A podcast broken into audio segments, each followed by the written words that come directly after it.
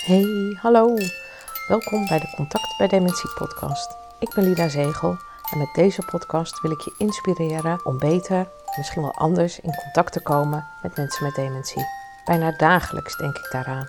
Ik maak mooie dingen mee, ik hoor, ik lees, ik zie van alles. En alles wat ik daar uithaal of hoe ik erover denk, wil ik met jou delen. En dan hoop ik jou ook te inspireren en uit te dagen om eens op een andere manier naar contact maken te kijken en misschien ook te gaan doen. Hey, hallo? Oh, ik heb toch iets meegemaakt? Ik schaam me diep. Alles ging een beetje anders die dag. Het was gisteren. Dat maakt natuurlijk voor de podcast helemaal niks uit wat voor een dag het is. Maar het was een dag waarop normaal altijd alles standaard gaat. Zaterdag. En op zaterdag komen normaal de kleinkinderen altijd. En zijn we met de kleinkinderen overdag. En is dat het ritme. Niet dat we altijd hetzelfde doen. Hoewel het overigens wel iets is wat de kleinkinderen zelf wel altijd denken als ze hier komen, bij ons thuis. Dan denken ze altijd van, oh ja, dan gaan we hetzelfde doen. Dan gaan we knutselen, we gaan tekenen, we gaan wat eten, we gaan wat drinken. Kleindochter had zelfs een keer tegen de moeder gezegd, dan gaan we naar opa en dan moeten we altijd hetzelfde doen. En dat ik me verontschuldigde of verontwaardigd reageerde tegen mijn man. Zo van, nou ja, hoe kan ze dat nou zeggen? Dat wil ze zelf allemaal. Toen zegt hij, ga je nou verdedigen? Dat weet je toch? Ik denk, ja, nou ja. En toen ze pas kwamen, hij zei, ah, oma, gaan we dit doen? Gaan we dat doen? Ik zeg, nou, dan ga je weer hetzelfde doen als de vorige keer. Wil je dat? Of wil je een keer wat anders doen? Ze stopte, ze keek om, ze keek me aan. We zien het wel. Ik zeg, precies, we gaan het wel zien. En niet om nou gelijk te krijgen, maar om soms dingen te doorbreken. Want het is heel veilig als altijd alles hetzelfde is. En dat heb je ook nodig als je jong bent, omdat het dan voorspelbaar is en dat je niet hoeft te schrikken. En langzaam kun je dingen gaan toevoegen. Maar op het moment dat je aan het eind van je leven komt en je krijgt dementie, dan is dat nou net weer andersom. Dan wil je juist van al die vrijheid en al die spontane, aparte dingen, wil je weer terug naar regelmaat. Zelfs als je op middelbare leeftijd bent, ben je op zoek naar regelmaat, omdat dat je de meeste rust geeft, is mijn ervaring en ik hoor het ook bij meer mensen. Maar goed, die regelmaat, dezelfde patronen, die hadden we gisteren niet. En we, mijn man en ik, waren bij ons opticien, een opticien die niet bij een grote keten zit, uitgebreid de tijd neemt om te meten en brillen uit te zoeken. Het was ook heel gezellig, het was ook heel fijn. Leuke brillen uitgezocht, zonnebrillen voor de vakantie en mijn man een nieuwe bril. Dat doet allemaal niet ter zake in dit geval, maar wel dat het iets is wat gewoon anders is dan anders. En de omgeving was ook anders. Deze opticien zit in een winkelcentrum waar we normaal niet komen. Maar er zit wel een Albert Heijn. Ik zeg, hé, hey, zullen wij zo meteen even bij de Albert Heijn nog wat boodschappen gaan doen? En mijn man reageerde, ik denk dat het twaalf uur was. Hij zegt, maar ik wil wel om drie uur bij de kapper zijn. Ik zeg, ja, maar dat redden we toch makkelijk dan? Dat is geen probleem. We hoeven alleen maar een paar dingetjes te halen, dat we gewoon vanavond lekker eten hebben. En we gaan samen de supermarkt in. Doen we een mandje of uh, wat doen we? Ik denk, oh ja, ik moet nu overleggen, we zijn met z'n tweeën. Eigenlijk was alles anders dan anders. En wat hij bedoelde was, toen hij zei van ik moet wel drie uur bij de kapper zijn. Dat wist ik niet, dat had hij in zijn hoofd. Ik wil ook een nieuwe batterij in mijn horloge hebben, want die is op. En ik wil nog een leuke kaart halen voor een speciaal afscheid. En daar heb ik eigenlijk ook nog een cadeautje voor nodig. En dan de kapper nog. Dus dat zat in zijn hoofd. Wist ik niet, begreep ik pas achteraf. Dus hij wilde vooral dat we niet te lang bleven hangen in de winkel. Dat zei hij erbij. Nou, geen probleem. Maar ja, voel me af en toe wel eens een pinkeltje in Wonderland, zeg ik dan. Als er allerlei dingen anders zijn. Een winkel, de inhoud al, maar ook de route. Hoe loop je door de winkel? Waar staan de aanbiedingen? Waar staat. Nou, je weet dat je bij de, bij de gezonde dingen binnenkomt en bij de ongezonde dingen eindigt. Dat is meestal wel logisch. Maar wat voor producten hebben ze? Wat is er in de aanbiedingen? Wat wil ik dan hebben? Ik had een karretje gepakt en er lag al een tas in. Ik zeg, nou, oh, moet je niet zelf scannen? Zei mijn man nog. Ik zeg, oh ja, dat kan ook. Dus ik scande mijn bonuskaart en kon een scanner pakken. En we konden al scannend de winkel door. Maar ja, overal werken die scankassa's weer anders. En word ik dan oud? Beginnen mijn hersenen dan te haperen als ik dat denk? Nee, het is alleen niet wat ik gewend ben. En overal is het weer een klein beetje anders. Dus zo liepen we door de winkel. Ik zag wat en hij zag wat. En op een gegeven moment was hij bij de wijn aan het kijken. Ik zeg, oh, hier staat ook nog wijn in de aanbieding. Nou, daar pakten we twee flessen van. Toen zegt hij, oh ja, die leg ik even hier neer. Die leg ik even apart.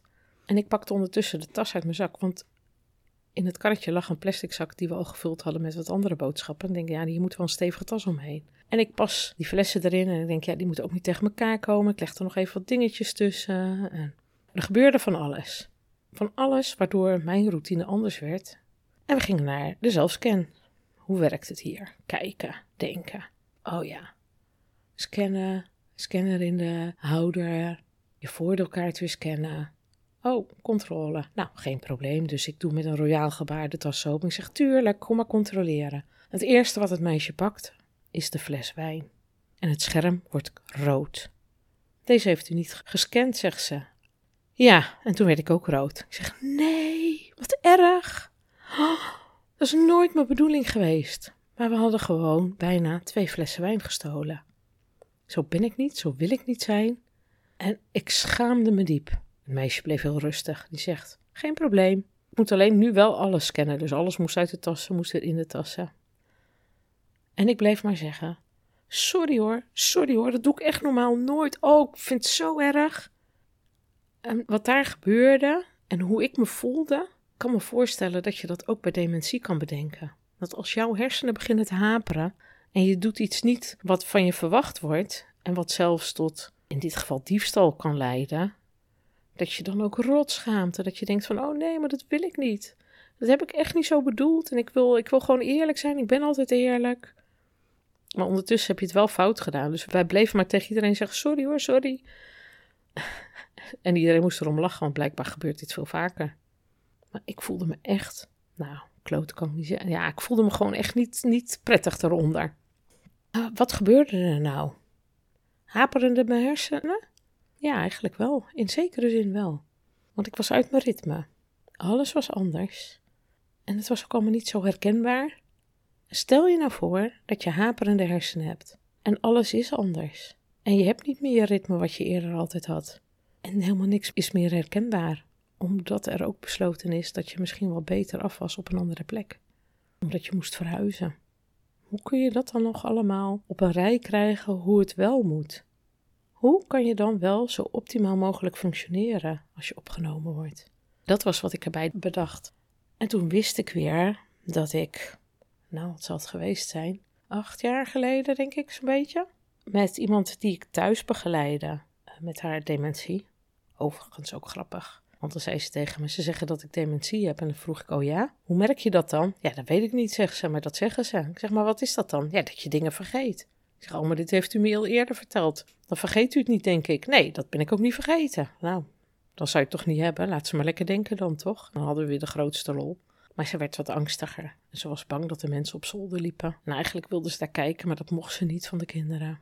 En dat was het moment dat ze zei: Ja, misschien ben ik toch beter af als ik ergens ga wonen waar ik wat meer hulp krijg. En zij heeft dus zelf aangegeven dat ze naar een verpleeghuis wilde in dit geval. En dat hebben de kinderen hartstikke liefdevol gedaan. Ze had ook geregeld dat ik daarbij was, dat het allemaal een beetje vertrouwd zou gaan. En dat ik ook mee zou gaan, want als ze opgenomen zou worden in zo'n vreemde situatie, dat ik er dan was om bij haar te blijven. Want dan konden zij zo snel mogelijk de spulletjes in de kamer zo neerzetten dat het ook nog weer op haar eigen kamer zou lijken. Het verdrietige was dat ze niet in de auto kon en niet durfde. En dat ze uiteindelijk met mij mee in de auto is gegaan.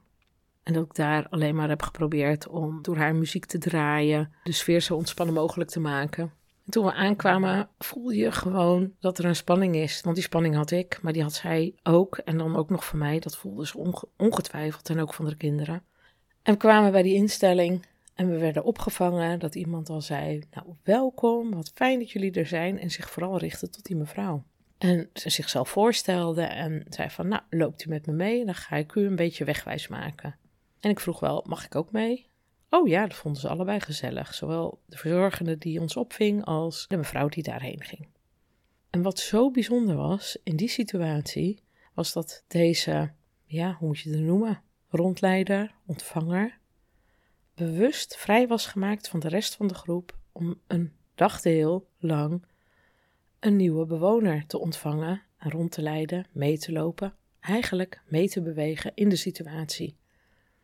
En door één op één met iemand een hele ochtend, nou, misschien waren het twee uur of drie uur, ik weet het niet meer, het is een tijdje geleden. Maar voor mijn gevoel was het een hele ochtend dat er iemand vrij was gemaakt om die nieuwe bewoner op te vangen, En zo liefdevol meeliep en zei: We hebben allemaal verschillende plekjes waar allemaal mensen zitten.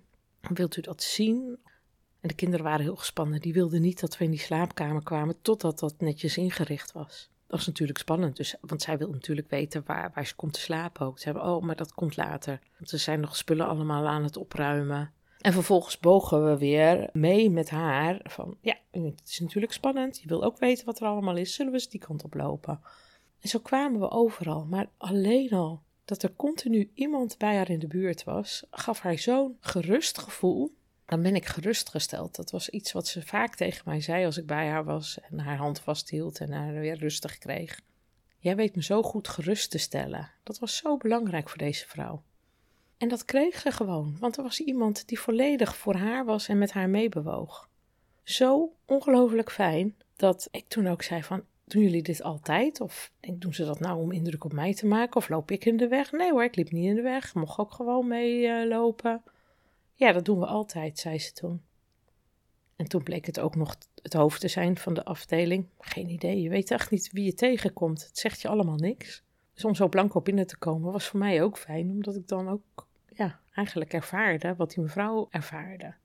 En ik bewoog mee. En nou ja, goed, zij was dus uh, afdelingshoofd en ze zei: Ja, dat doen we altijd, want je hebt maar één keer de kans om een eerste indruk te maken.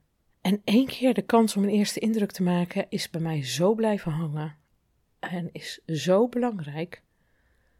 En dat gevoel ervaarde ik dus ook bij die Albert Heijn. Dat ik een fout maakte, dat ik niet gescand had. Ik faalde, ik had het niet goed gedaan. Ik wilde zelfs de Albert Heijn tekort doen door te stelen.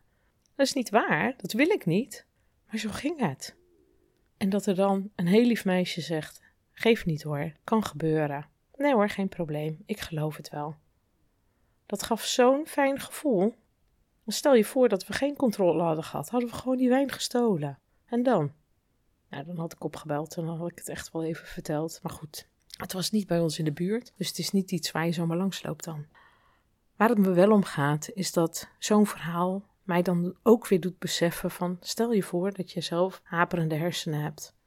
Of dat je omgaat met iemand die haperende hersenen heeft. Dit kan gewoon gebeuren. Als iemand uit zijn ritme is. Als alles anders is. Als niks meer herkenbaar is. Hoe ontheemd moet je je dan voelen? En wat kan je dan? Ik hoop dat door dit verhaal je daar ook een beetje over na hebt kunnen denken. En kunt bedenken hoe het soms voor anderen kan zijn. Hé, hey, wat hoor ik? Een belletje. Ah, het belletje van Mira. Daar komt ze.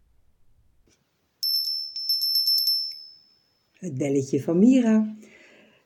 Ja, op de basiscursus dementie, die ik onlangs volgde van Ervaria, kreeg ik een geweldige tip van eh, Barbara Oppelaar. We waren met een grote groep mensen die daar allemaal als vrijwilliger werkten. Ze vertelde eigenlijk over de kracht van een drietal woorden. En die woorden is eigenlijk heel simpel. Het is wat. Dat zijn dan die drie woorden. Zij vertelde dat je die drie woorden eigenlijk in kan zetten op het gebied van het voelen van verschillende emoties. Dus ben je blij, boos, bang of bedroefd, dan kan je het is wat en natuurlijk op de juiste manier en met de juiste intentie, met het juiste gevoel inzetten. Want dan stem je namelijk af op het gevoel van de ander. En dan heeft de ander het gevoel dat zijn klaagzang of zijn enthousiasme ook door jou omarmd wordt. Dus ik zou zeggen, probeer het maar eens. Het is wat. Ja. Het is wat. Of, oh, ja, het is ook wat. Nou, ik zou zeggen, probeer het en laat weten of het bij jou ook werkte. Dankjewel, Mira. Wat fijn om je toch, ook al zit je niet aan tafel, toch op deze manier ook in de podcast te hebben. Vind je dat nou ook leuk? En denk je van, hé, hey, dat zou ik ook wel willen? Dat kan hoor. Bij mij kan van alles. Moet ik even een ander ritme aannemen? Moet ik even denken dat het anders kan? En even uit de herkenbare formaat gaan. Want het kan. Mira is er ook bij gekomen. Samen praten is hartstikke leuk, maar dat belletje was ook een goed idee. Nou, heb jij een goed idee? Dan is het gewoon fijn als je dat deelt. Want hoe meer wij met elkaar delen, hoe meer wij elkaar ook kunnen helpen om in dat contact te komen met mensen met dementie. Of met mensen met haperende breinen. Of misschien wel met elkaar. Want contact met een ander, de mens zien, is zo belangrijk. Probeer het meteen vandaag. Maak er een mooie dag van. Fijne week. Tot de volgende keer. Daag. Ja, dat was het weer. Wat fijn dat je luisterde naar deze podcast. Super bedankt daarvoor. Want samen maken wij de kloof naar mensen met dementie minder groot. Abonneer je dan ook op deze podcast als je automatisch een bericht wilt ontvangen als er weer een nieuwe aflevering online is. En als jij een review achterlaat of een sterrenwaardering, kan deze podcast ook nog sneller gevonden worden. Hoe mooi zou dat zijn? En het zou nog fijner zijn als jij jouw positieve ervaringen wilt delen op een van je socials, bijvoorbeeld met een schermafbeelding. Je kan het altijd doorvertellen natuurlijk. Nog makkelijker. En wil je mij persoonlijk benaderen? Dat kan via mijn Facebook of Instagram pagina van Maatcontact of per mail lida.maatcontact.nl. Nogmaals, super bedankt voor het luisteren en heel graag tot de volgende keer.